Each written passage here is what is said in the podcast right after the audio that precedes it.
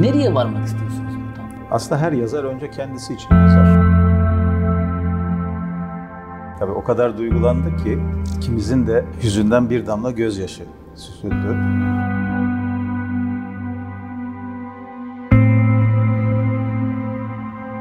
Burası milletin evi ve göreceksiniz milletin evi olacak. Millet burayı benimseyecek demiş. İyi müziğin nereden geldiği önemli değildir. İyi müzik her yerde dinlenir. Mutlaka geçecek. Bu günler daha güzel, daha aydınlık günler gelecek. Savaş şu anda barıştan daha kolay.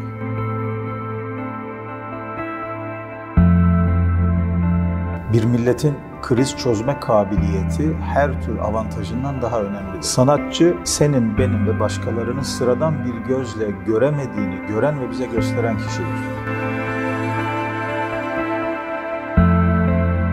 Sanat hakikat içindir ve hakikat herkes içindir. Sizin yolculuğunuz nasıl başladı? Hikayenin en başına gittiğimizde İbrahim Kalın'ı bu noktaya taşıyan şey neydi? Aslında benim siyaset ve devlet görevi gibi bir planım hiç yoktu. Ben küçüklükten beri kendimi bir ilim insanı, bir akademisyen olarak hep kurguladım. İleriye dönük de hayalim hep oydu. Hamdolsun onu kısmen gerçekleştirdim. Yani akademik bir hayatımda var. Akademik kariyer yapmak istedim ve onu da yaptım çok şükür. Başka bir mesleği hiç düşünmedim. Benim rahmetli babam kabzımaldı. Yani sebze meyve ticareti yapardı. Ee, beni de o işlere yönlendirmek için çok zorlamıştı. Babamla rahmetliyle anlaşamadığımız konulardan birisi oydu. Hatta şöyle derdi yani ne olacak profesör mü olacaksın? Olsan ne olur ben bir sürü profesörü yanımda çalıştırıyorum falan derdi. Ben de e, ama küçüklükten beri hep içimde o bir okuma, öğrenme e, merakı, tecessüs duygusu hep diğer şeylere ağır bastı. Ve 2004 yılına kadar da aslında ben akademik kariyerimde devam ederken Türkiye'de, sonra Malezya'da, ondan sonra da Amerika Birleşik Devletleri'nde hiç hesapta olmayan bir şekilde ben Ankara'da SETA Vakfı'nı kurmakla görevlendirildim. E, büyüklerimiz öyle uygun gördüler. Biz de e, onu kurduk. İşte bir 4-5 yıl kadar ben orada görev yaptım. Ondan sonra da aslında ben yine SETA'dan sonra Amerika'ya akademik çalışmalarıma geri dönmeyi planlıyor idim. Fakat daha sonra Cumhurbaşkanımız o zaman başbakan olarak e, yok dedi burada devam edeceksin. Bizim sana burada ihtiyacımız var. Ve o şekilde de benim 2009 senesinde ilk defa başdanışman e, olarak görevim başladı.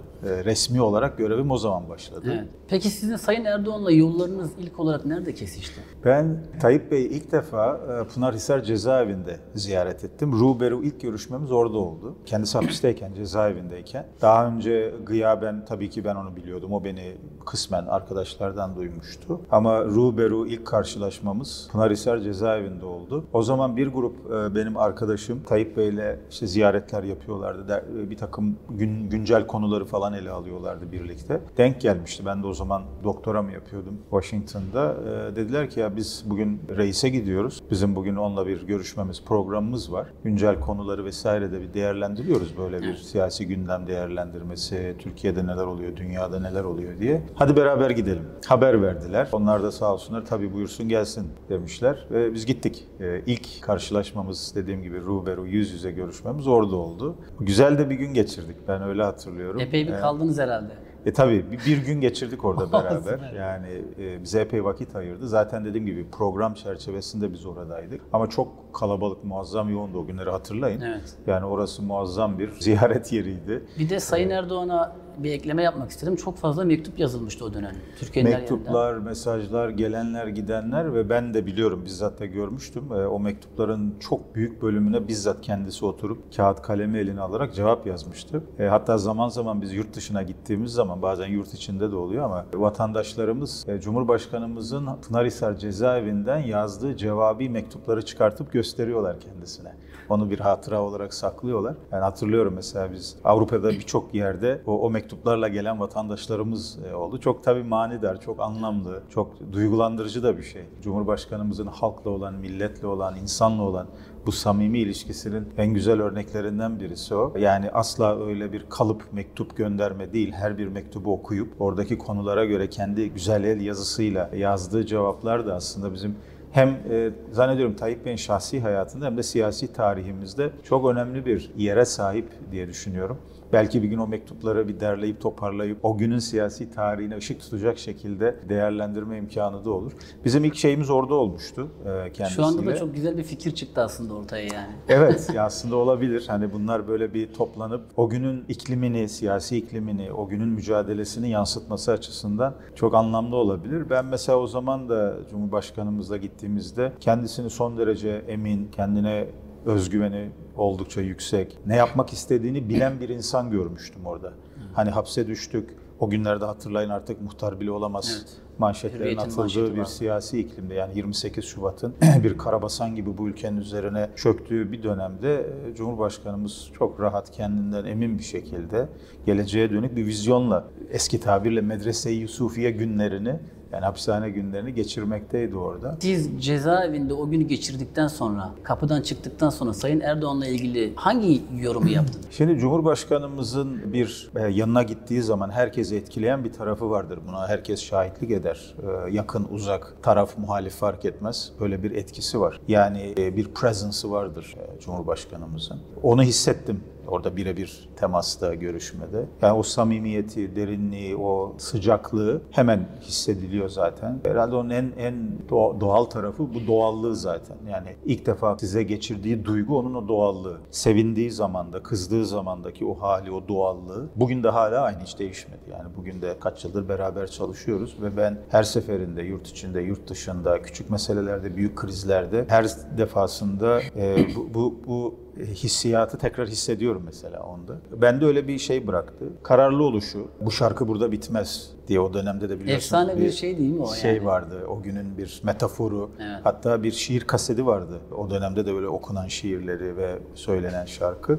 Tam da onu yaşadı aslında. Yani bu işin burada bitmediğini, bitmeyeceğini, son sözü milletin söyleyeceğini çok net bir şekilde zihnine de, kalbine de, siyasi vizyonuna da işlemiş bir liderdi. Ben de o intibayı bıraktı ve dedim inşallah bu karanlık günler geçecek. Mutlaka geçecek. 28 Şubat'ın ortasındayız çünkü o zaman. E, mutlaka geçecek. Bu günler daha güzel, daha aydınlık günler gelecek. E, ben de o duyguyu bıraktı konuştuğumuz o günün siyasi meselelerinin detayları bir kenara insanda bıraktığı his buydu ve aslında uzun soluklu yürüyüşlerde asıl olan da budur. Bu duygunun güçlü olmasıdır. Yani detaylar değişir, konular değişir. Günün siyasi mevzuları değişir, farklılık arz eder ama e, o duygu sizinle beraber yaşamaya devam eder. E, ben de o gün öyle bir intiba bırakmıştı. İbrahim Bey siz çok yoğun bir hayat yaşıyorsunuz. Yani bazen biz bile takip etmekten yorulabiliyoruz. Çünkü özellikle şu son dönemde bir gün Amerika'da, bir gün farklı bir ülkede önemli devlet başkanlarıyla diyaloglar geliştiriyorsunuz. Gerçekten bir insan için çok zor aslında bakıldığında. Belki cezbedici tarafları da olabilir fakat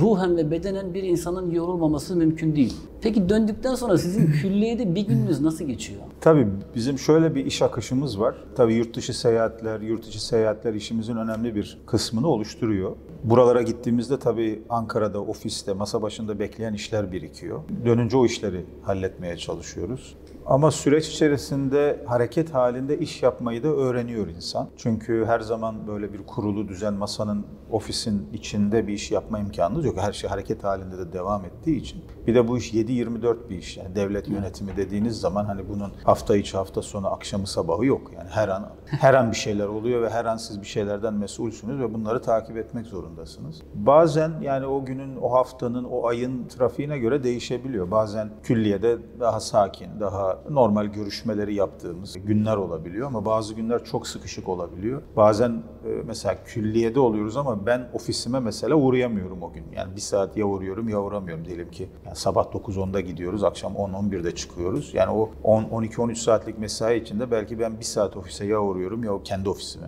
E, çünkü e, makamda programlar oluyor, heyetler karşılanıyor, görüşmeler oluyor, basın toplantısı vesaire. Biraz şeye bağlı ama e, şu oturdu diye ben düşünüyorum. Külliye yapıldığı zaman da hatırlarsanız işte böyle niye bu kadar şaşalı bir yer yapıldı, niye bu kadar büyük yere ihtiyaç var mı vesaire diye çok tartışıldı o zaman. Maalesef çok gereksiz yere enerjimizi tüketen tartışmalardan bir tanesiydi o.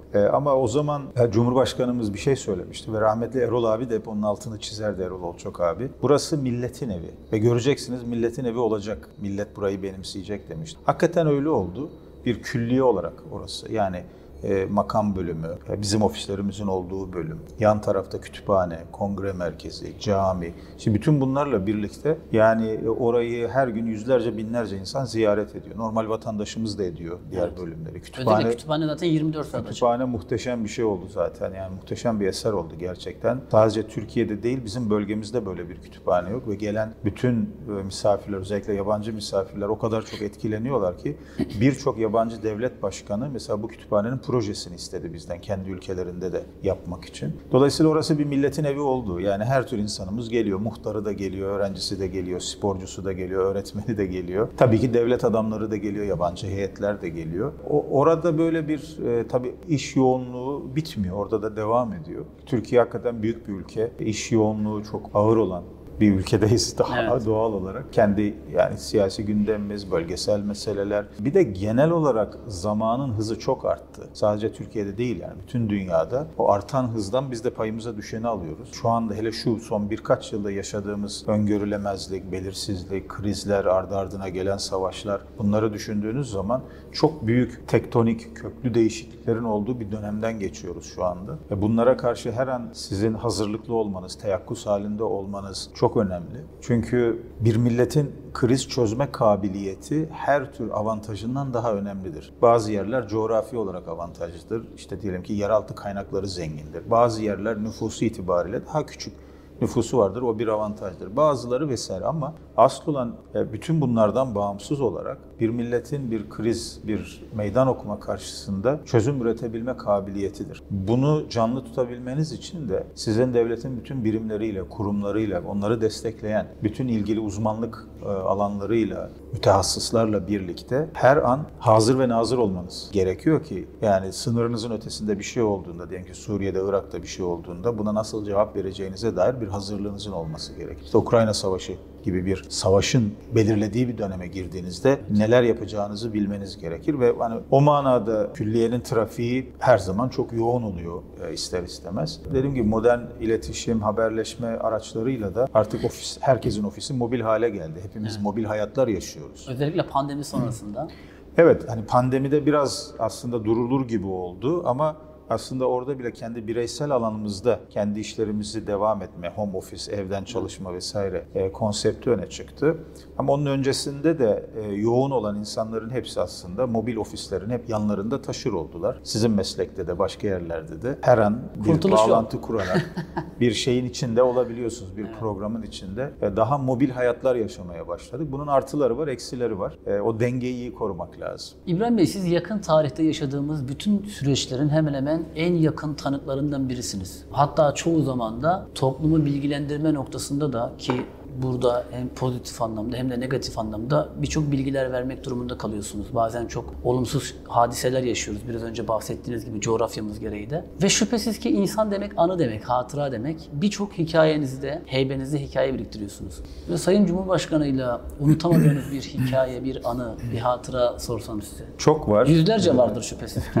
Onların bir kısmı tabii görevden ayrıldıktan sonra ancak anlatabileceğim, kaleme alabileceğim şeyler. Onları bir kenara koyuyorum. Eğer bir gün nasip olur da hatıralarımı, mesleki hatıralarımı yazacak olursam orada onları ele almayı planlıyorum. Bir hatıra yakında da yaşadığımız, geçen sene yaşadığımız bir hatırayı paylaşmak isterim. Geçen yıl Ramazan ayında güven mektupları takdimi var idi. Büyükelçiler e, biliyorsunuz geldikleri zaman ülkeye resmi olarak göreve başlamak için önce Cumhurbaşkanı makamına çıkarlar ve mektuplarını takdim ederler. Güven ve itimatname eski tabirle güven mektuplarını. E, Bu güven mektubu e, törenlerinden bir tanesinde Müslüman küçük, fakir, güzel bir ülkenin bir büyükelçisi geldi. Güven mektubunu takdim etti. Tabii o takdim sırasında normal akışta bir ikram oluyor. İşte çay, kahve, ailesiyle geldiyse çocuklara birer hediye.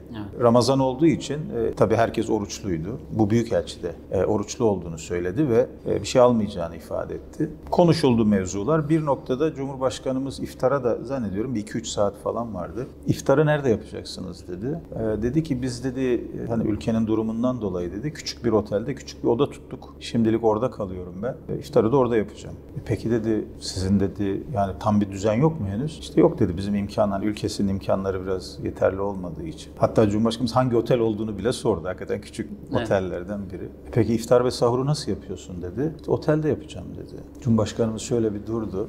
Hasan Bey çağırdı Hasan Doğan'ı. Ee, Hasan dedi, biz burada muhtarlarımızla, öğrencilerimizle, şehit aileleriyle, sporcularla, öğrencilerle, diğer misafirlerle her gün iftarda ne yiyorsak, bütün Ramazan boyunca Büyükelçi ve ekibine iftar ve sahurda bu yemekler gidecek dedi.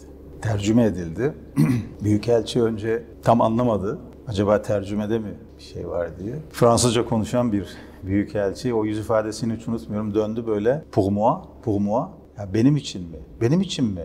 Yanımda e, bölgeyle ilgili genel müdürümüz vardı Dışişleri Bakanlığı'ndan. Döndük birbirimize baktık. Tabii o kadar duygulandık ki ikimizin de yüzünden bir damla gözyaşı süzüldü.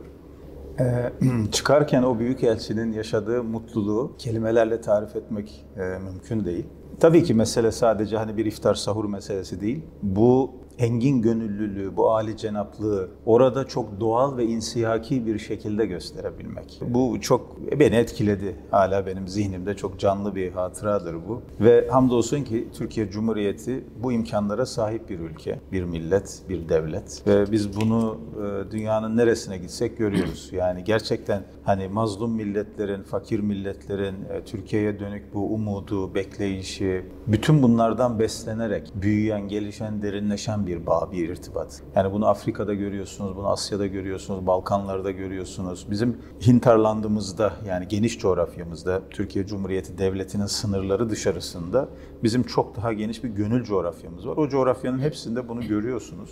Ve ben bu duygunun çok sahici bir duygu olduğunu buralara gittiğimde her seferinde bir kez daha bir kez daha görüyorum. Ve hamdolsun yani bu toprakların bir evladı, bu devletin, bu milletin bir ferdi olmanın gururunu her yerde yaşıyoruz. Ee, İbrahim Bey ben geçtiğimiz gün bir Mali ziyaretim olmuştu bir haftalık. Ee, Mali Diyanet İşleri Başkanı ile de bir kısa bir sohbet etme şansım oldu. Ee, biz tabii gazetecilerin en önemli olaylarından bir tanesi her zaman kayıttayızdır. Çok ilginç bir anı kayıt altına aldım. Ee, beni bir Türk vatandaşı olarak çok duygulandırdı.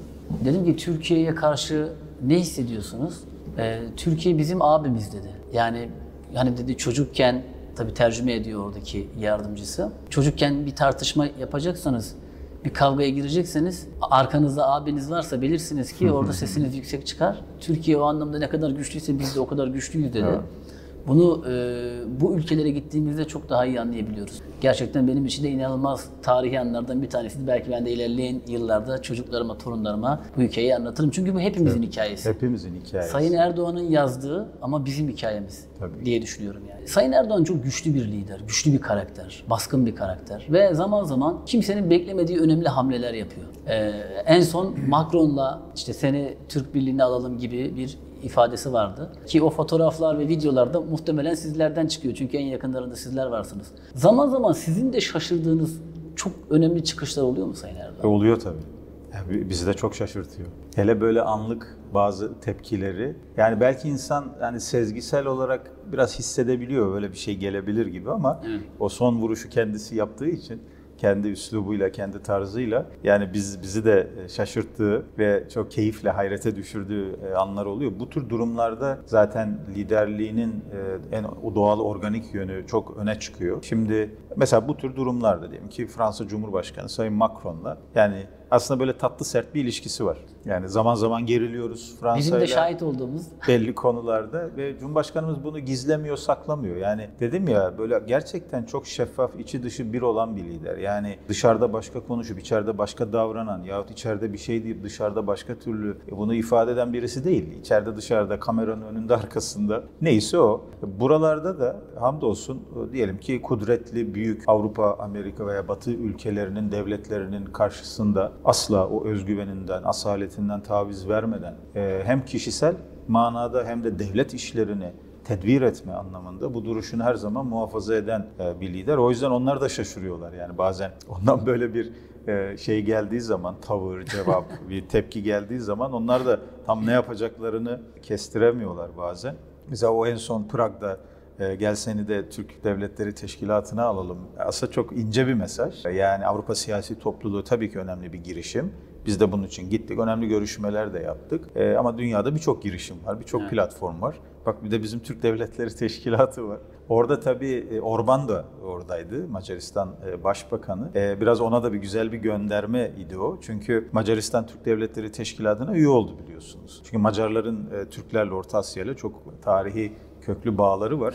Hunlardan geldiği için onlar da. Avrupa'ya giderken de o bağlarını hep korumuşlar. Yani Ata Attila döneminden beri Orta Asya'dan Macarlarla Türklerin böyle çok özel bir ilişkisi hep ola gelmiş. Osmanlı döneminde de yani o bölgeyle hep çok daha farklı ilişkilerimiz olmuş. Eflak Boğdan bölgesi tabii o tarihi olarak o bölge. Kanuni'nin meşhur Macaristan seferi mesela o bölgeyle ilgili bizim çok çok derin bağlarımız hep ola gelmiş. E, insanlar gelmiş oralardan e, üst düzey yöneticiler yetişmiş, elçiler, mütercimler, tüccarlar, devlet memurları tarih boyunca hep olmuş bunlar. Hatta 1970'li yıllarda özellikle e, dünyada Türkolojinin önemli merkezlerinden birisi de Macaristan'dı.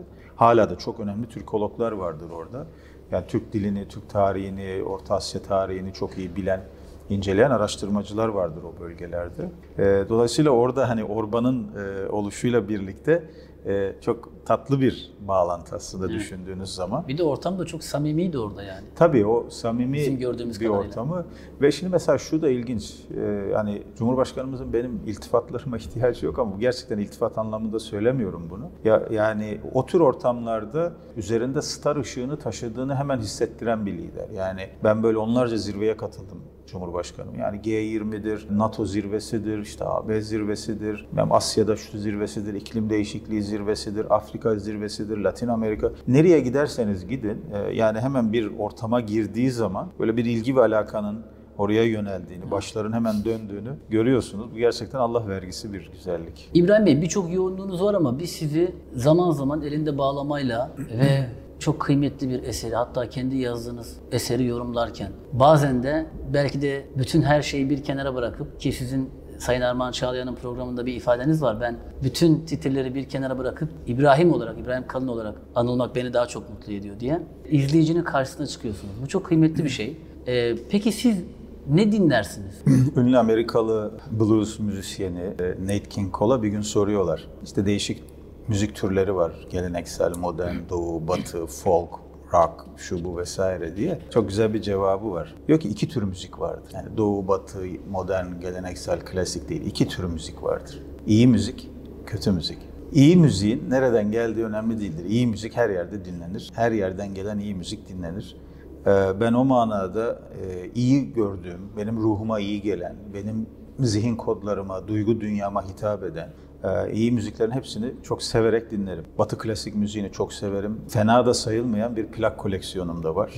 E, Topluyorum. Bu çok bilinmeyen bir şey galiba. Evet bu çok bilinmiyor ama ben plaktan analog müzik dinlemeyi çok seviyorum. Şu anda tabii her şey dijitalize oldu. Eskiden işte biliyorsunuz e, bantlı kasetler vardı. Bant denirdi, kaset denirdi. İşte ondan sonra teyp kasetine döndü. Sonra CD'ler çıktı, DVD'ler çıktı, USB oldu derken hepsi buharlaştı. Şimdi artık akıllı telefonlara, dijital ortamlardan e, girdiğimiz bir şeye dönüştü.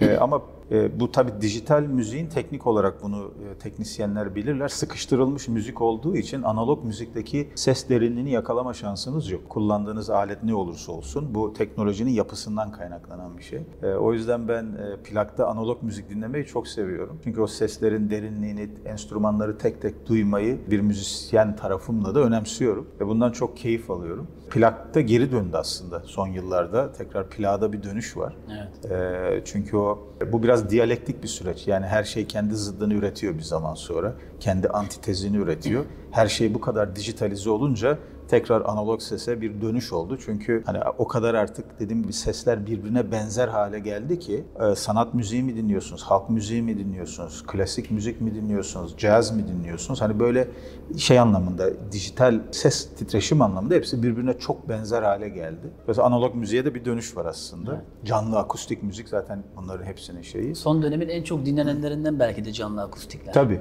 yani YouTube'da da şu anda artık- izlenme ve tıklanma Evet. olarak çok ön planda. Tekrar o ihtiyaç hasıl olmaya başladı. Batı müziğini, klasik müziğini çok seviyorum, dinlerim. Yani tabii ki Bach gibi, Vivaldi gibi çok büyük ustaları, yani barok döneminin e, büyük ustaları bunlar. Onların çağdaşı ve hemen bir önceki dönem ya da genelde çağdaşı sayılabilen işte Corelli gibi, Telemann gibi, Dölolent gibi, e, çok büyük müzisyenleri e, büyük bir keyifle, zevkle dinliyorum. E tabii ki onların dışında yani Mahler'dir, Haydn'dir vesaire bunlar da tabii çok büyük müzisyenler. E, keyifle dinliyorum ama onun dışında e, yani İran müziğini, Hint müziğini e, atlamak mümkün değil. Modern batı, işte blues, jazz, rock gibi müzikleri de seviye, severek dinliyorum. Özellikle onların içerisinde bana göre birer büyük usta ozan olan mesela Leonard Cohen gibi, Bob Dylan gibi, Tom Waits gibi, Nick Cave gibi isimleri de ben çok severek dinlerim. Çok iyi müzik yapan müzisyenler bunlar. Bunların içerisinde Dire Straits'in ayrı bir yeri var bende. Özellikle... O zaman biz sizden şöyle bir talepte bulunacağız. Bir kesinlikle belki de vardır. Varsa ben bilmiyorsam benim e, eksikliğim. Bir Spotify listesi kesinlikle oluşturmalısınız bence. Değil mi? Yani şu, şu anda bence inanılmaz bir müzik arşivinden bahsediyorsunuz aslında. Çok zengin bir dünya. Ben Instagram'da e, haftalık tavsiyeler diye bir paylaşım yapıyorum Instagram hesabımda. Orada ama sadece türkü tavsiye ediyorum. e, çünkü çok zengin. Hani belki farklı e, türlerden de örnekler vermek gerekebilir. Ama ben müziğin farklı türlerini insana sunulmuş çok kıymetli farklı imkanlar olarak görüyorum.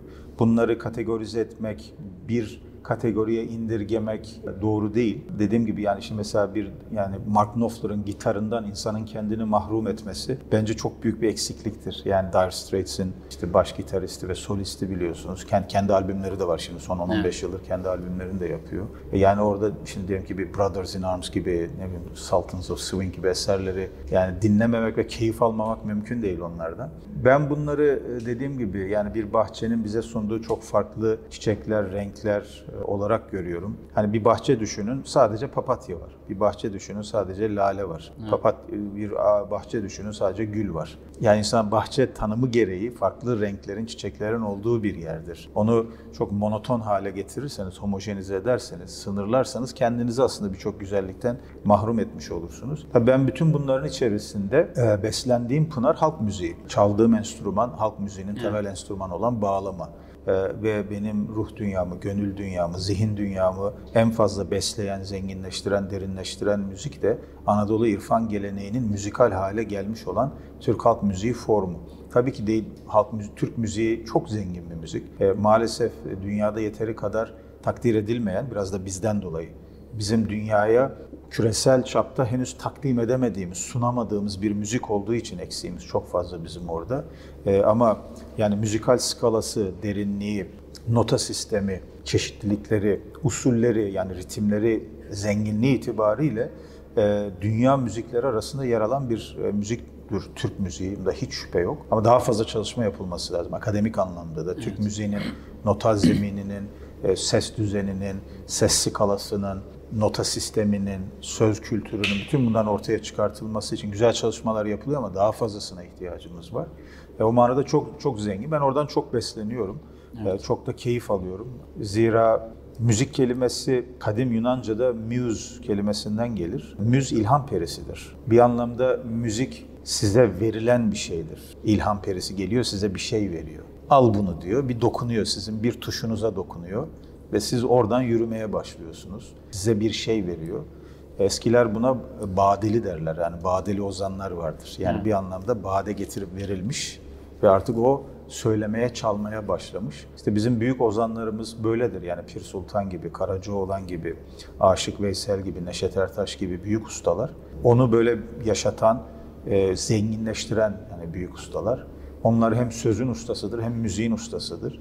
Bu ikisini birleştirmek çok kolay bir şey değildir. Herkese nasip olan bir şey değildir. Yani mesela Neşet Ertaş özellikle Allah rahmet eylesin. Geçenlerde de vefat yıl dönümünü andık biliyorsunuz. Sözünü, sazını ve tavrını zirveye taşımış nadir ozanlardan biridir. Onun bu kadar büyük olmasının sebeplerinden biri budur. Çünkü bazı ozanlarda mesela söz sazın önündedir. Sözü çok güçlüdür ama müzikalite orta hallidir. Kiminde enstrüman çok öne çıkar. Yani sazında çok iyidir. E, ama söz geri plandadır. Ama büyük ustalarda bunların hepsi birden tavrıyla, yani çalış tarzıyla, tezene tavrıyla, sözüyle ve müziğiyle e, bir zirveye doğru gider. Aşık Veysel mesela böyle ustalardan birisidir. Dolayısıyla o katman katman insanın her gün keşfederek, kendini zenginleştirdiği bir alan. O yüzden ben dediğim gibi bağlamayı elime aldığımda tabii ki ben kendi coğrafyamın tınılarını orada çalıyorum. Ama zihnimin bir yanında Bach vardır, Vivaldi vardır. Bir tarafında Tom Waits vardır, Bob Dylan vardır. Çünkü o müziğin o evrensel dili bazen size bu formda çıkar, bazen caz olarak karşınıza çıkar. Bazen Nusret Fethi Alihan'ın bir kavvalisinde karşınıza çıkar. Yani bazen Ravi Shankar'ın bir ragasında karşınıza çıkar. Dolayısıyla bunları dediğim gibi böyle çok kategorize edip kutulara koyup birbirinden koparmak pek mümkün değil. O yüzden ben de bu büyük akıştan Pınar'dan nasibime düştüğü kadarını almaya çalışıyorum. Önce şunu söyleyeyim. Erkan Oğur sürecindeki son noktayı aslında siz koydunuz. Ben empati yaptığımda bir tweet attınız. Tweetinizi çok yürekten okudum onu belirteyim. O gün de yakın arkadaşlarıma göndermiştim. Hatta bazılarıyla hala yazışmalarım durur. Dedim ki bu ifadeler ve bu metin İbrahim Bey'in kalbinden çıkmış. Tabii ki o süreçte ne oldu, ne bitti bunlara çok değinmek istemiyorum. Sonuç olarak benim çok haddime de değil. Fakat önemli bir adımdı. İki farklı insan, iki farklı görüş. Ee, olduğu iddia edilen kısmen de yaşadığımız kutuplaşmanın bitmesi için de çok önemli ve kıymetli bir adımdı. Fakat süreç biraz dağınık kaldı açıkçası. Ee, biz süreçte İbrahim Kalın'ı yeniden belki 5 yıl sonra, belki 2 yıl sonra, belki bir hafta sonra bilemiyorum. Kendisiyle aynı düşünmeyen e, ama aynı topraklar üzerinde yaşadığı farklı görüşten biriyle bir düet yaparken veya ortak bir çalışma yaparken görebilir miyiz? Ya ben hayatım boyunca farklılıkları hep bir zenginlik olarak gördüm ama bunu bir klişe olarak söylemiyorum. Başkasına ait bir zenginlik değil, bize ait bir zenginlik olarak. Kendimi zenginleştireceğim bir pınar olarak, bir bir mecra olarak, bir e, kaynak olarak gördüm. E ben hep benim gibi düşünen, benim gibi konuşan, benim gibi okuyan, benim gibi yazan, benim gibi hareket eden insanlarla otursam yani herhalde hayatlarımız çok sıkıcı ve monoton olur. Farklılık olacak. Okurken de öyle değil miyiz? Yani farklı yazarları okuyoruz. Yani bir Marksist yazarı da okursun ve çok önemli şeyler öğrenirsin. Bir Hindu filozofu da okursun, çok önemli şeyler öğrenirsin. Bir animist gelenekten bir takım hikayeler, destanlar, kıssalar okursunuz, bir şeyler öğrenirsiniz vesaire. Yani bu insanın zihin dünyası da içinde böyledir. Aynı şey duygu dünyası içinde geçerli. Özellikle sanat söz konusu olduğunda farklı bakış açılarını bir araya getiren sanat çalışmalarını ben her zaman çok kıymetli buldum. Şunu yalnız ifade edeyim. Tabii e, bir sanatçının bir siyasi duruşu ve görüşü olabilir. Ben buna sonuna kadar saygı duyuyorum. Siyasi sanatçı hiçbir zaman siyasetle ilgili değildir. Asla o alana girmez, girmemelidir gibi kategorik, kategorik bir e, hüküm de vermek istemem. Bu biraz insanın tabiatına, sanatçının ilgisine, alakasına, fıtratına da göre değişir. Kimisi bunu tercih eder. Bu alanın tamamen dışında kalır. Kimisi daha güçlü, daha keskin belki radikal bir takım siyasi pozisyonlar e, benimseyebilir. Fark etmez yani bunun e, siyasetin hangi skalasında olduğu önemli değil. Ama bence orada iki nokta önemli. Birincisi sanatçı senin, benim ve başkalarının sıradan bir gözle göremediğini gören ve bize gösteren kişidir. Sanatçı ressam olur, müzisyen olur, fotoğrafçı olur, heykeltıraş olur fark etmez. Ama bizim normal bir gözle baktığımızda hayatın olağan akışı içerisinde, rutinleşmiş, sıradanlaşmış bakışı içerisinde senin benim onun göremediğini görüp bize gösteren özel bir insandır. Özel bir bakış açısı vardır onun. Bu bakış açısını kaybetmemeli sanatçı ve bunu asla siyasetine kurban etmemeli diye düşünürüm. İkincisi de bunun da bağlantılı olarak bir sanatçının siyasi görüşü olabilir ama siyaseti sanatının önünde gidiyorsa sanatına bir haksızlık ediyor demek. O yeteneğine, o hünerine, o marifetine, farkı, farkına gölge düşürüyor demek. Bunun yerine siyasetle de harmanlayabilir kendi sanatını, sanatı üzerinden siyasi mesajlar verebilir. Buna hiçbir itirazım yok. Ama bunu herhangi bir partinin üyesi gibi partizan bir kimlikle, agresif, militan bir tarzda yapmaya başladığında sanatçı kimliğinin ona kazandırdığı o hususiyeti, özelliği kaybetmeye başlar. Sıradanlaşır. Yani herhangi bir başka siyasi partinin militanı gibi davranmaya başladığında sıradanlaşır. Bir de bizim Türkiye'de bu işte yüksek kültür, üst kültür, batılı kültür mevzusuyla ilgili tarihten gelen de bir yükümüz var maalesef. Ee, o da şu, bizde uzun yıllar çarpık modernleşme tarihimizin bir sonucu olarak yüksek sanat elitist bir iş olarak görüldü halkın anlamadığı, vatandaşın aklının, duygusunun erişmediği, kavrayamadığı, e, ancak elitlerin yaptığı, yapabileceği bir iş olarak e, görüldü. E, modern sanatçının daha böyle bohem, kendini aykırı konumlandırma çabası da bunda tabii ki etkili. Ama burada özellikle bizim yani modernleşme tarihimizde böyle tepeden inmeci, Jacoben bakış açısının sanata olan yansıması halkı, vatandaşı o alanın tamamen dışına iten, vatandaşı akılsızlaştıran, duygusuzlaştıran yani özne olmaktan çıkartan bir bakış açısına dönüştü. Çok sorunlu bir bakış açısı. Şimdi sanat dediğimiz şey, kültür dediğimiz şey son tahlilde insanın tabiatla, insanın insanla, insanın evrenle, insanın yaratıcıyla kurduğu ilişkinin bir parçası. Şimdi insanı, hele ki içinden çıktığınız toplumu bunun tamamen dışında görüp bunlar cahil, bunlar kitle, bunlar sürü, bunlar anlamaz gibi bir bakış açısıyla aşağılamaya başladığınızda aslında bindiğiniz dalı kesiyorsunuz. Son tahlilde hangi sanatı yaparsanız yapın, doğduğunuz topraklar, teneffüs ettiğiniz hava, içtiğiniz su, ayağınızı bastığınız zemin, toprak sizin o sanatınızı belirler. Hangi sanat dalına giderseniz gidin. Bu bilinçli olabilir, bilinçli olmayabilir. Ama bilinç altında bir yerde mutlaka o coğrafya, o toplum, o hafıza, o kolektif hatıralar e, sizin sanatınızı, bakışınızı şekillendirir. Şimdi burada e, son dönemde bu aşıldı büyük oranda Türkiye'de. Yani şey tartışması da vardır ya işte sanat halk için midir, sanat sanat için midir diye eski bir tartışmadır bu. E, biraz da aslında Marksistlerin 19. yüzyılın ikinci yarısında başlattığı bir tartışma. Belki o dönemin şartları içerisinde anlamlı bir tartışmaydı. Çünkü sanatın dönüştürücü etkisine vurgu yapan bir bakış açısı bu. Halkla olan ilişkisi, teması elbette önemli. Sanatın birinci vasfı anlaşılmazlık olmamalı. Sanatçı kendini anlaşılmaz, ulaşılamaz bir yerlere koyarak kendi sanatını gerçekleştiriyor, kendini gerçekleştiren bir özne olamaz olmamalı. Son tahlilde insana konuşuyoruz. E, konuştuğumuz şeyin, mananın karşı tarafa geçmesi, duygunun karşı tarafa geçmesi yaptığımız işin bir parçası olmalıdır. O dengeyi sağlayabildiğimiz oranda ben sanatçının e, toplumla, coğrafyayla, tarihle, dünyayla ilişkisini daha sağlıklı bir zemine oturacağını düşünüyorum. Ben e, Açık Ufuk kitabında bu bahsi biraz e, açmaya çalışmıştım. E, orada şöyle bir tahlil yaptım. Sanat hakikat içindir ve hakikat herkes içindir. Zira Heidegger'in de ifade ettiği gibi sanatı hakikatten ayırmak onu tamamen sentimentalize etmek yani duygulara indirgemek anlamına gelir.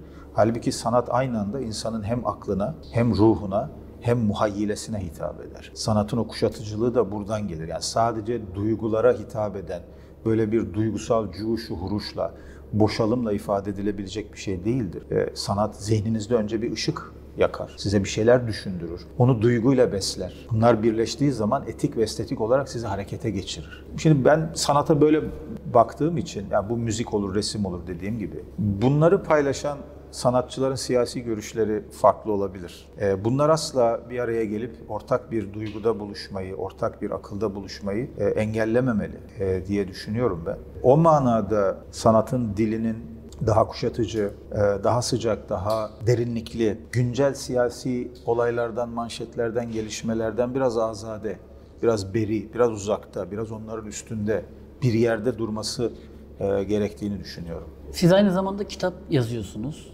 imza günlerine gidiyorsunuz. Ama bu tarafta da çok yoğun bir hayatınız var. Yani hani belki de halk dilinde tabir edeceksek çok koşturmalı bir hayatınız var. Bazen kendi kendime şunu soruyorum. Yani bu adamın meramı nedir? Neden bu kadar yoğun bir hayatı tercih ediyor? Mesela kitap yazmak çok zor bir e, hmm. uzmanlık alanı gerektiren bir durum. Çünkü evet çok önemli yazarlarımız var ama yazıyla da bazen duyguları ifade edebilmek çok zor. Ben mesela sizin kitaplarınızı okuduğumda en ince noktasına kadar anlatmak istediğinizi nokta nokta, virgül virgül, ünlem ünlem anlatıyorsunuz. Nereye varmak istiyorsunuz buradan? Aslında her yazar önce kendisi için yazar. Daha sonra okuyucusu için yazar. Kendisi gibi okuyucularla buluştukça okuduk yazdıkları daha büyük kitlelere mal olur. Ve her bir yazarın aslında cevaplamaya çalıştığı bir tane büyük soru vardır. Elbette bir yazar tarihçidir, felsefecidir, sağlık bilimcidir, popüler yazardır, popüler bilim anlatıyor. Fark etmez alanı ne olursa olsun birçok soruyla uğraşır. Ama onların hepsi bir tane büyük soruya destek mahiyetinde orada bulunan sorulardır. O soruyu, büyük soruyu açmak için bulunan, e, oraya giren, e, o sayfaya düşen, o insanın, yazarın, düşünürün zihnine giren sorulardır. Bu yazardan yazara değişir. Büyük sorunun ne olduğu. Yani bir büyük soru, bir büyük fikir e, o taşır. Bazen ben bunu e, mesela bazı büyük bestekarlarda da hissediyorum. Bir, bir ses var. Onu duyduğunuz zaman diyorsun ki ha bu kesin şunun eseridir. Dedirtir bazı evet. sesler. Ya mesela Bach'ın Bach'ı biraz dinleyin. Vivaldi'yi bir müddet dinleyin mesela. Bir noktadan sonra artık hiç e, eserin adını vesaireyi görmeden eseri duyduğunuzda ha bu, bu, bu Vivaldi. Bunun içinde Vivaldi'nin bir sesi var, tonu var dersiniz. Şiir de öyledir mesela. Hani öyle şiir öyle bir gelir ki yazarı, şairi bir kenara koyun, ismini kapatın. Bir noktada bu kesin mesela İsmet Özel'in şiiridir dersiniz. Bu kesin Ahmet Hamdi'nin ya da Nazım Hikmet'in şiiri yahut Borges'in şiiri yahut bu Rilke herhalde mutlaka Rilke'den bir şey taşıyor dersiniz. Bunlar aslında o şairin, o yazarın, o bestekarın, o sanatkarın e, peşinde koştuğu o bir şeyin açımlarıdır. Bir şeydir o ama o bir şey çok önemlidir. Isaiah Berlin e, önemli bir e, düşünce tarihi hocasıydı, önemli bir entelektüel tarih uzmanıydı, çok önemli eserler de kaleti. Siyaset felsefecisiydi aynı zamanda, Litvanya asıllı kendisi. İngiltere'de daha sonra çalışmalarını yaptı. Bu ünlü iki özgürlük kavramı makalesini ve daha sonra kitabını da yazan. E, onun kullandığı e, bir Romalı yazardan aldığı çok güzel bir metafor var. Kirpiyle tilkiyi karşılaştırır ve der ki bazı yazarlar tilki gibidir, bazı yazarlar kirpi gibidir. İkisi arasındaki fark ise şudur. Tilki küçük küçük bir sürü şeyi bilir. Kirpi bir şeyi bilir ama o bildiği şey çok büyük bir şeydir. Bazı yazarlar gerçekten bazı sanatkarlar kirpi gibidir. Yani bir tane büyük şeyi vardır zihninde, bir büyük sorusu vardır. Müziğinde bir tane büyük ses vardır. Resminde bir tane büyük bir fırça darbesi vardır. Onu görürsünüz her eserinde böyle bir dizi halinde onu görürsünüz. İmzası odur yani. İmzası odur, duygusu odur, dokusu odur. Ben yazarlığa biraz öyle baktım hep e, kendim. Benim soruma gelecek olursam tabii ki benden önceki birçok büyük üstadın sorduğu soruyla çok benzer bir soru. Biz niye buradayız? E, bütün diğer sorular bu soruya verdiğimiz cevaba göre şekilleniyor. Öncesi sonrası, niye yaratıldık, niye buraya gönderildik? Bu soruyu cevapladığımız oranda nasıl sorusunun cevabını verme imkanına kavuşacağımız için önemli. Çünkü niçini cevaplanmamış hiçbir sorunun nasılının anlamlı bir cevap üretmesi mümkün değil. Sizin herhalde basketbol oynadığınızı bilmeyen yok. İyi oynar mısınız? Oynamaktan büyük keyif alıyorum. İyi oynarım diye bir iddiada bulunmayayım, hadsizlik etmeyeyim. Ama iyi bir basketbol ekibimiz var Ankara'da. Onlarla haftada bir oynuyoruz. Bazen iki. Bazen tabii araya benim seyahatler girince birkaç hafta oynamadığımız da oluyor. Ama iyi bir basketbol ekibimiz var. Profesyonel basket oynamış arkadaşlardan da gelenler oluyor. Gençlerden gelenler oluyor. Altyapıda olanlar oluyor. Onlarla iyi, iyi maçlar çıkarıyoruz. Sayın Cumhurbaşkanı'yla da sizin geçtiğimiz Evet. aylarda basket görüntüleriniz ortaya çıktı. Hatta orada size atıfta bulunuyorlar değil mi? İşte İbrahim'i almışsın vesaire gibi böyle. E, o maçlar düzenli olarak devam ediyor mu? Birkaç aydır ara verdik ama düzenli oynuyoruz. Cumhurbaşkanımızın programı el verdiği oranda. Hatta bir ara haftada 2-3 gün oynuyorduk. Çok keyifli oluyor tabii o. Ee, Yani bir kere Cumhurbaşkanımızla böyle bir spor yapmak, onun spor yaptığını görmek de çok keyifli. Ee, Çünkü bu ülkenin yükünü bu kadar yüklenip sırtlanıp giden bir liderin e, spor yapması, kendini dinç hissetmesi bizi de çok mutlu ediyor. Spor da iyi geliyor ona. Basketbolu da çok sevdi. Yani eski bir futbolcu olarak basketbola olan bu ilgisi ve merakı beni çok çok mutlu ediyor. Basketbolu takip de ediyor. Yani milli takım ne durumda, ne yapıyoruz vesaire diye. Çok da severek oynuyor. Eli de muazzam düzgün. Cumhurbaşkanımız onu da Ayağını söyleyeyim. biliyoruz oynadığı maçlarda. Bir yeri var hele yani oraya geldiği zaman e, yüzde 80-90 oranla yüzdeyle atıyor yani çok çok eli eli çok sağlam. Biz çok keyif alıyoruz tabii birlikte dediğim gibi en önemlisi hani onunla spor yapmak ve onun böyle dinç olduğunu görmek sporla birlikte o toksinleri atması, keyif alması, birlikte terlememiz, koşmamız, birlikte gülmemiz, birlikte muhabbet etmemiz çok büyük bir keyif, çok büyük bir ayrıcalık tabii. Yani diğer bütün e, basketbol ekibi arkadaşlarımız e, var. Yani bizim işte doktor arkadaşlarımız var mesela ekipte. İşte bizim Hamza Yerlikaya var, Fahrettin Altun var, işte Hidayet Türkoğlu var, Mustafa Varank var. E, eski milli futbolcumuz Alpay şu anda milletvekilimiz ve diğer arkadaşlarımız. Yani onu hep beraber e, Kadro sağlam. oynuyoruz. Kadro sağlam. Yani çok güzel maçlar yapıyoruz. Sayın Varank hangi takımda oluyor? Karşı Bizim, takımda. bizim takımda. bizim takımda. İbrahim Bey sizin e, bu yakın zamanda Putin'in sizinle ilgili bir böyle şaşıran bir ifadesi var. Türkiye'de çok konuşuldu bu. E, burada tabii iki soru var. Bir Putin niye bu kadar şaşırdı? İki siz orada kime sarıldınız?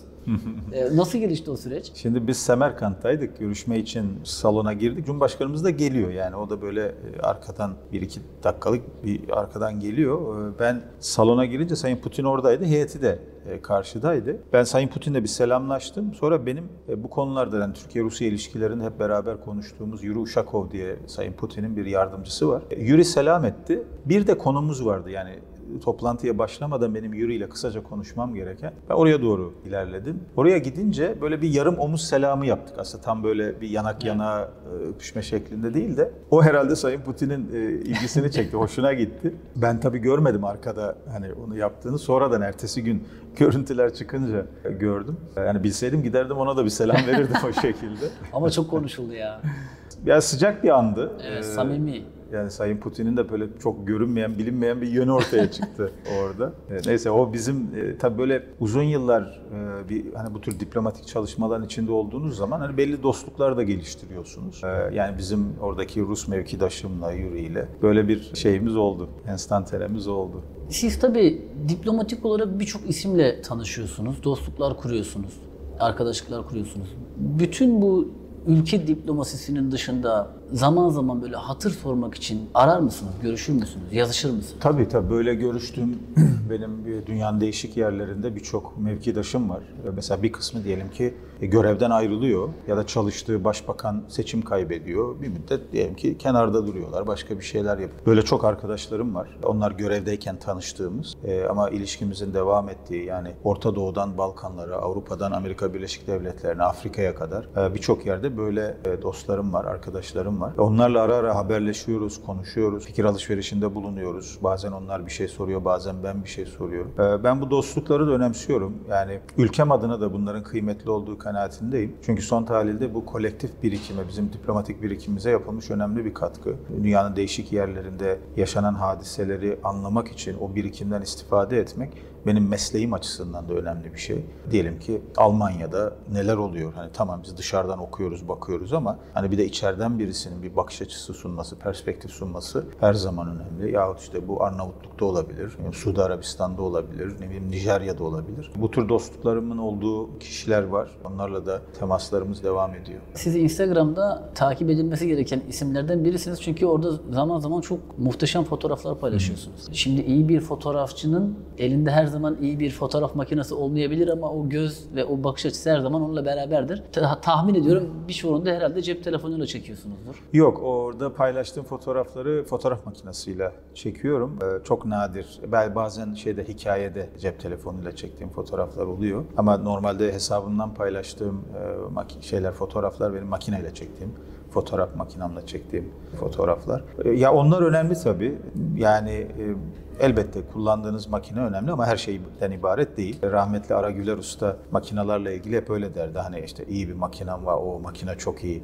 Makine, fotoğrafı makine çekmiyor tabii. Fotoğrafı fotoğrafçı çekiyor. Önce zihninde o kadrajı oluşturuyor, fotoğrafı oluşturuyor. Ee, o yüzden rahmetli hep şey derdi. Yani her elinde iyi fotoğraf makinesi olan iyi fotoğrafçı olsaydı her iyi daktilosu olanın da büyük bir yazar olması gerekirdi. Güzel bir örnek. O zaman daktilo vardı tabii onun için öyle söylüyor. Ama daktilonun da hala o ruhu görünce insanın tüylerini bence E, tabii. diken diken ediyor diye düşünüyorum yani. İbrahim Bey, bütün dünyanın akıl sır erdiremediği bir diplomasi yürütüyoruz şu anda. Hem Ukrayna'yla hem de e, Rusya'yla çok iyi diyaloglarımız var.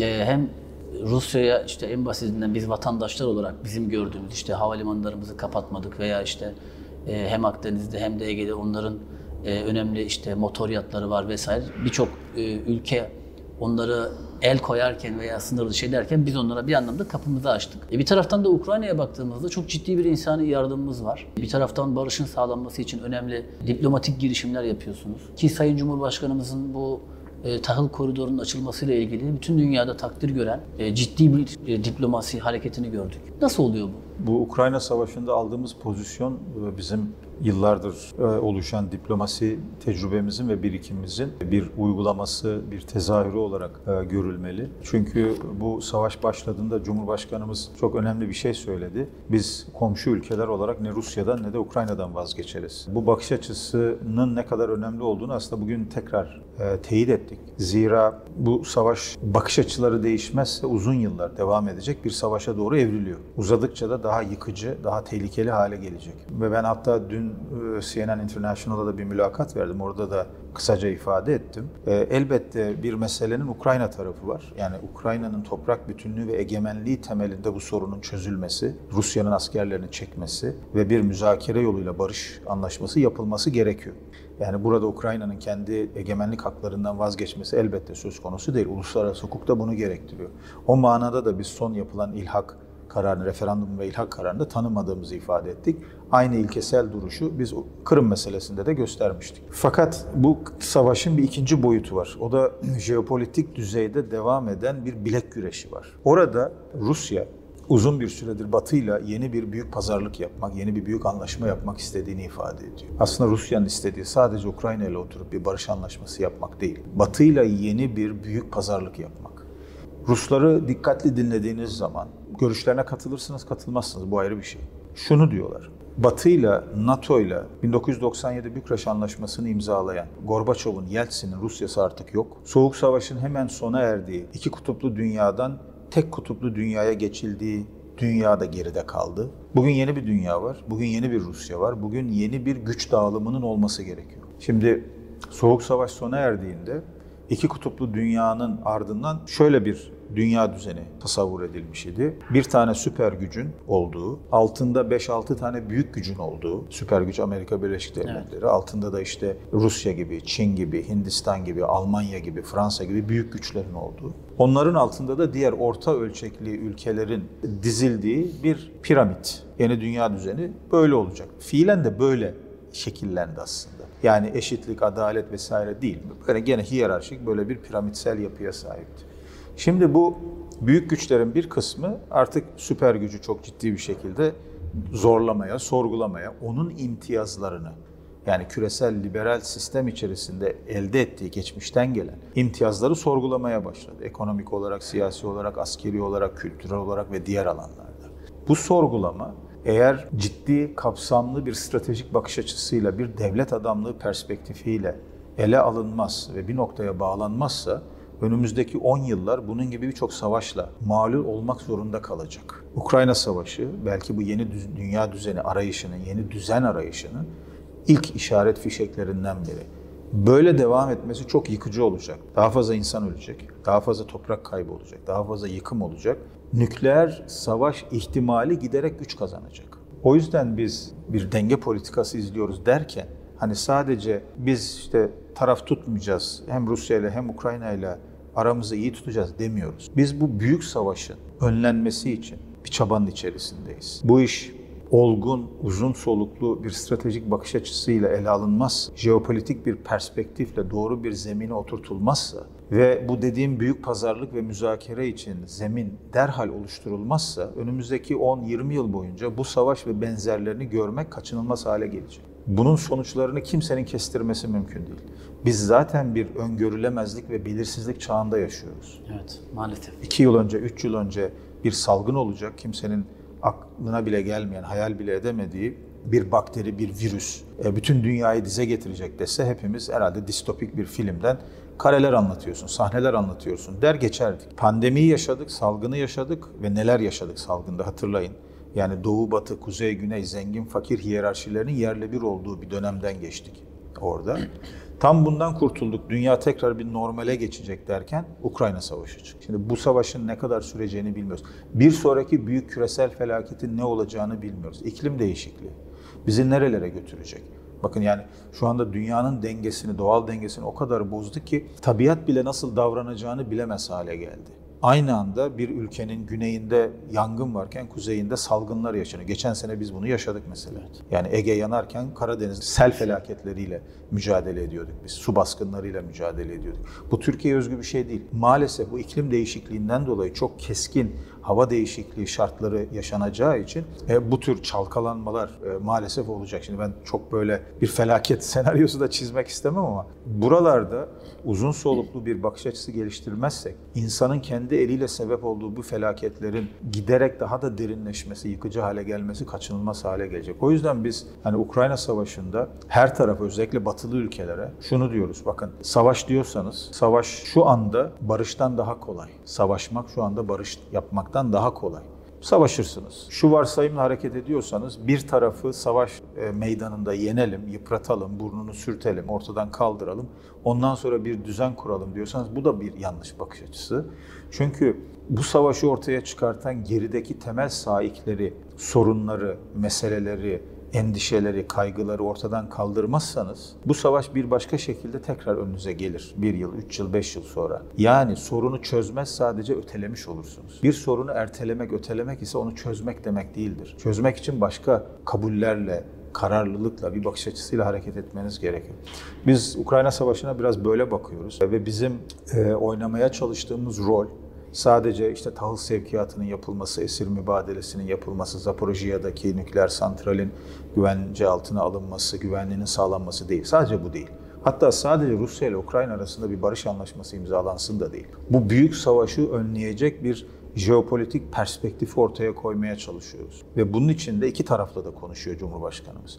Bunun için de Sayın Putin'le de uzun uzun bu konuları konuşuyor. Sayın Zelenski ile de konuşuyor. Batılı müttefikleriyle de konuşuyor. İşte evvelsi gün Prag'da e, yaptığı sunumlarda, ikili görüşmelerde hep bunları anlattı. Ve ben bu bakış açısının sadece Türkiye Cumhuriyeti Devleti'nin bir görevlisi olarak değil, hani bir anlamaya çalışan bir insan olarak, bir yorumcu olarak veya işte bir uzman olarak ne derseniz deyin, baktığımda ben bu rolün çok önemli olduğunu, tarihi bir rol olduğunu görüyorum. Çünkü bu rolü oynayan, oynayabilecek başka aktör ve ülke yok şu anda. Dolayısıyla biz hazırlıklarımızı buna göre yapıyoruz. E, muhataplarımıza, mevkidaşlarımızı da mevkidaşlarımıza da bunu elimizden geldiğince açık seçik bir şekilde anlatmaya çalışıyoruz. E, burada şeyi sormak istiyorum. E, Cumhurbaşkanı Erdoğan'ın Ukrayna ve Rusya arasındaki bu savaşta bu kadar etkin barış için rol oynaması, diğer ülkeleri veya Avrupa ülkelerini veya farklı devletlerin liderlerini Sayın Erdoğan'a karşı bakış açılarında nasıldır sizce? Bu tabii olumlu bir etkiye sahip. Çünkü hepsi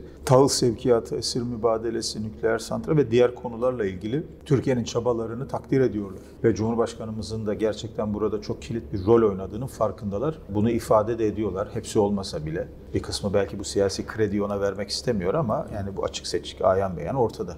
Bundan kaçmak mümkün değil. Ve giderek mesela bu konuda yani Türkiye ne düşünüyor sorusundan ziyade hani Türkiye'nin de fikrini alalım dan ziyade ya bu işi nasıl çözeceğiz diye gelip konuşuyorlar artık Cumhurbaşkanımızla. Ne yapalım, ne yapmalıyız? Ben de mevkidaşlarımla konuştuğum zaman Dışişleri Bakanımız, İstihbarat Başkanımız, Savunma Bakanımız ve diğer arkadaşlarımız da ben biliyorum yani muhataplarıyla konuştukları zaman ya bakın tamam Rusya'nın yaptığı doğru değil. Biz bunu ol- olumlamıyoruz. E, işgal, ilhak bunlar doğru şeyler değil. Ama bunun alternatifi ikinci bir yanlış olmamalı. Nükleer savaşa kadar gidecek bir yolun kapısını açacak olursanız bakın buradan kimse çıkamaz. Bunu anlatmaya çalışıyoruz. Tabii bunu Rus tarafına da anlatıyoruz. Yani sizin Batı ile olan e, bu hesaplaşmanızda, bu yeni bir pazarlık arayışınızda başka yöntemleri devreye sokmanız lazım. Bunu Rus tarafına da anlatıyoruz. Ve benim görebildiğim, ben gene elden geldiğince hani dışarıdan nesnel bakmaya çalışıyorum mümkün olduğu kadarıyla. E, iki tarafla da, bütün taraflarla bunu konuşabilen başka bir akıl yok ortada. Benim çok keyif aldığım bir sohbet oldu ama son olarak şunu sormazsam herhalde e, bu röportaj eksik kalır çünkü tarihe bir not düşüyoruz. Biz e, sizin ne kadar önemli bir görevde olduğunuzu şüphesiz ki herkes biliyor. E, başardıklarınız var. E, önemli işlere imza attığınız noktalar var. Sakinliğiniz, fikriyatınız, her şeyden, her şeyi bir kenara bırakıp sadece İbrahim veya sadece İbrahim Kalın olarak yola devam etmeniz şüphesiz ki çok takdir edilesi bir durum. Ama bir de başaramadıklarınız mutlaka vardır. Her insanın başaramadığı vardır. İbrahim Kalın neyi başaramadı? Kişisel olarak bazı şeyleri daha erken yapmayı, belki şimdi ve bundan sonra yapmayı isterdim, isterim. Ben dil çalışmayı, dil okumayı seven birisiyim. Birkaç dilde kendimce öğrendim. Ee, Onları da kullanmaya çalışıyorum. Ama mesela Hölderlin'i, Rilke'yi kendi dilinde okumak için Almanca öğrenmek isterdim. İyi düzeyde Almanca öğrenmek, konuşmak isterdim. Tolstoy'u, Dostoyevski'yi, Çehov'u kendi dilinde okumak için Rusça öğrenmek isterdim. Belki Borges'i kendi dilinde okumak için İspanyolca öğrenmek isterdim iyi düzeyde.